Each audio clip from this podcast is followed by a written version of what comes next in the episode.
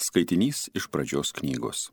Abraumas su Izaoku atėjo į vietą, apie kurią kalbėjęs jam buvo Dievas.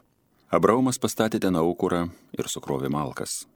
Jis surišo savo sūnų Izaoką ir paguldė jį ant aukurę sukrautų malkų. Tuomet Abraumas ištiesi savo ranką ir pakėlė peilį, kad nužudytų savo sūnų. Bet viešpaties angelas sušuko jam iš dangaus, tardamas, Abraomai, Abraomai, aš čia jis atsiliepė. Nekelk rankos prieš berniuką tęsė, nieko jam nedaryk. Dabar aš žinau, kad tu bijai Dievo, nes neatsisakėjai atiduoti man savo vienatinio sūnaus. Kai Abraomas pakėlė akis, jis pamatė aviną, ragais įstrigus į krūmę. Abraomas tada priejo, paėmė aviną ir paukojo jį kaip deginamąją auką vietoj savo sūnaus.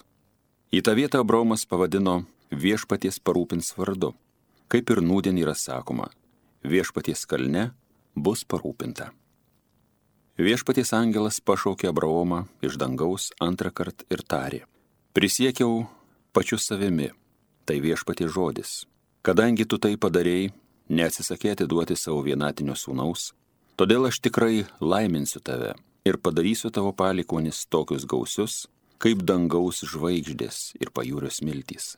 Tavo palikonys užims savo priešų vartus ir visos tauto žemėje ras savo palaiminimą per tavo palikonis, nes tu buvai klusnus mano balsui.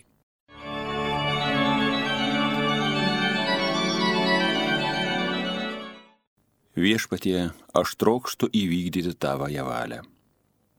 Viešpaties aš laukte laukiau ir jis prie manęs pasilenkė meiliai. Laimingas žmogus, kuris viešpačiu tiki, nekrypsta prie didžiųjų, melo klyskalės neina. Tau nepatiko nei krovinos aukos, nei atnašos vaisių, bet atvėrėjai mano ausis, kad klausytų. Nenorėjai nei deginamųjų, nei atgailos atnašų. Tuomet aš tariau, ateinu. Viešpatie aš trokštų įvykdyti tavąją valią. Knygoje apie mane parašyta. Dieve aš trokštų įvykdyti tavąją valią tavo teisynas meilus mano širdžiai. Viešpatie aš trokštų įvykdyti tavąją valią. Tavo teisumą paskelbiau susirinkimui, viešpatie tu žinai, kad aš netylėjau, plūpas učiaupęs. Viešpatie aš trokštų įvykdyti tavąją valią. Alleluja, alleluja,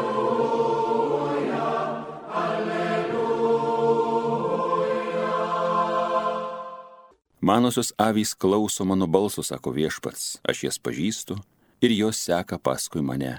Alleluja, alleluja, alleluja. Iš Evangelijos pagal Matą. Netrukus Jėzus su jais atėjo į ūkį vadinamą Getsemanę ir tarė mokiniams Pasidėkite čia, kol aš ten nuėjęs melsiuos. Pasiemęs Petrą ir abu Zebedėjaus sūnus, pradėjo liūdėti ir silvartauti. Tada tarė jiems, mano siela mirtinai nuliūdusi, likite čia ir pabudėkite kartu su manimi. Kiek toliau paėjęs, parpuolė kniupščias ir meldėsi. Mano tėve, jeigu įmanoma, Te aplenkia mane ši taurė, tačiau ne kaip aš noriu, bet kaip tu. Jis sugrįžo pas mokinius ir radęs juos mėgančius tarė Petrui.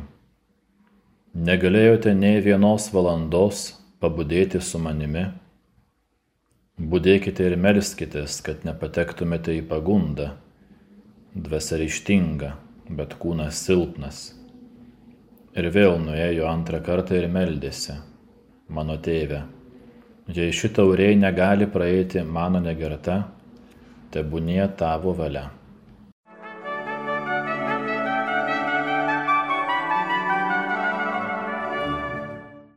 Getsemanė atrodytų nekalta aliejaus spaudikla, tapo tamsos, artėjančio mirties siaubo, pagundos, abejingo miego apleidimo išdavystės, vienatvės vieta.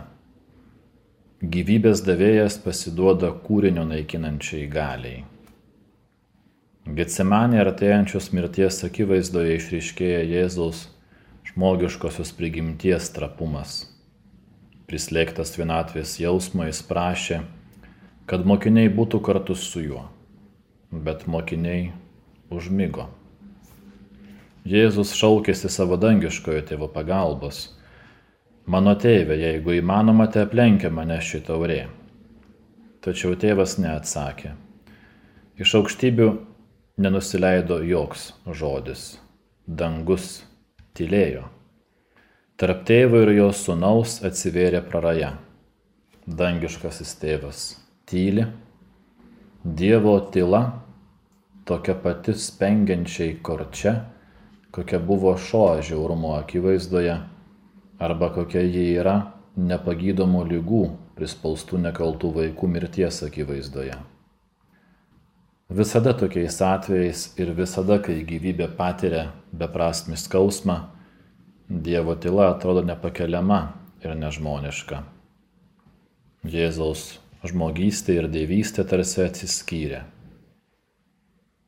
Iš tikrųjų, Getsemanėje Dievo nebuvo. Getsemanė tai yra pati radikaliausia Dievo nebuvimo vieta. Tai agonijos bejėgiškumo, absoliutaus apleidimo valanda. Tai neįvardėjamo sielvarto valanda. Jėzus dramatiško išbandymo akivaizdoje pirmiausiai kreipėsi į pačius artimiausius savo bičiulius - Petrą, Jokūbą ir Joną prašydamas jų tiesiog būti šalia. Tai labai žmogiškas prašymas, nelyginant bijančio tamsos vaiko, kuris prašo savo tėvelių, kad liktų kartu su juo ir saugotų jį naktį. Šis bejėgiškumas paprasčiausia ir dramatiškiausia forma atsiskleidžia Dievo sūnuje. Jėzus neprašo savo mokinių, kad jį išgelbėtų nuo likimo, kad rastų išeitį, neprašo jų pasiaukoti ar kažkaip jį apginti. Būtų užtekę, jei jie ištverto kartu su Jėzumi maldos valandą. Bet mokiniai palieka Jėzų maldoje vieną, kaip ir vėliau paliks jį vieną kančioje ir mirtyje.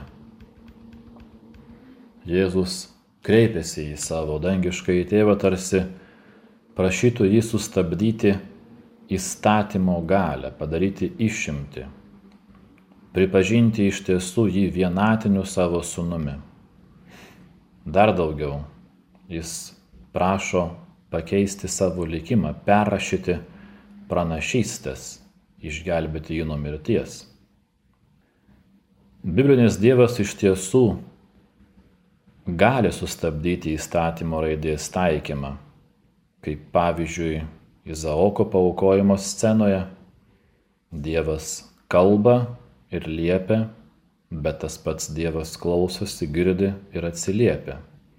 Arba kaip pavyzdžiui sunaus palaidūno palyginime, tėvas sulaužo įstatymą, tiek atiduodamas dalį palikimo jaunėliui, tiek ir vėl jį priimdamas kaip savo sūnų. Jėzus, būdamas Dievo sūnus ir tėvo atvaizdas, buvo teisiamas taip pat už tai, kad nesilaikė įstatymo.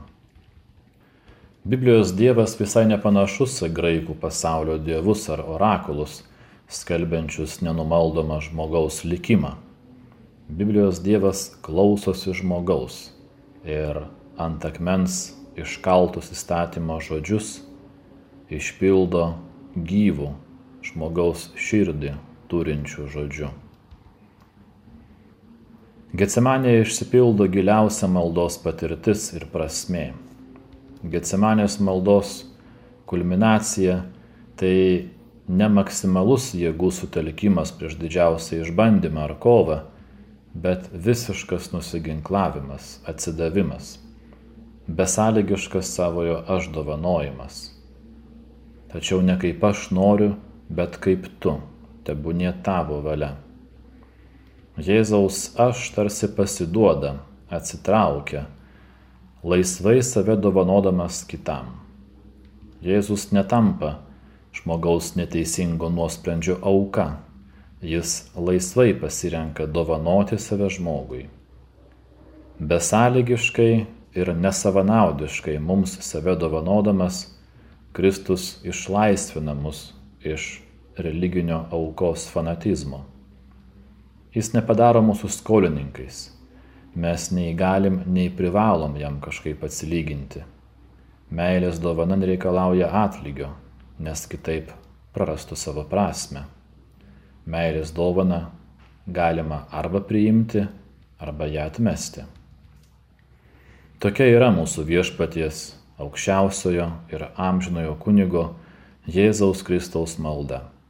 Ir toks yra mūsų žmogumi tapęs Dievas, krauju prakaituojantis, savųjų išduotas, nuodėmės nakties ir tamsos prislėgtas, save laisvai ir nesavanaudiškai, iki galo kitam nuolat dovanojantis.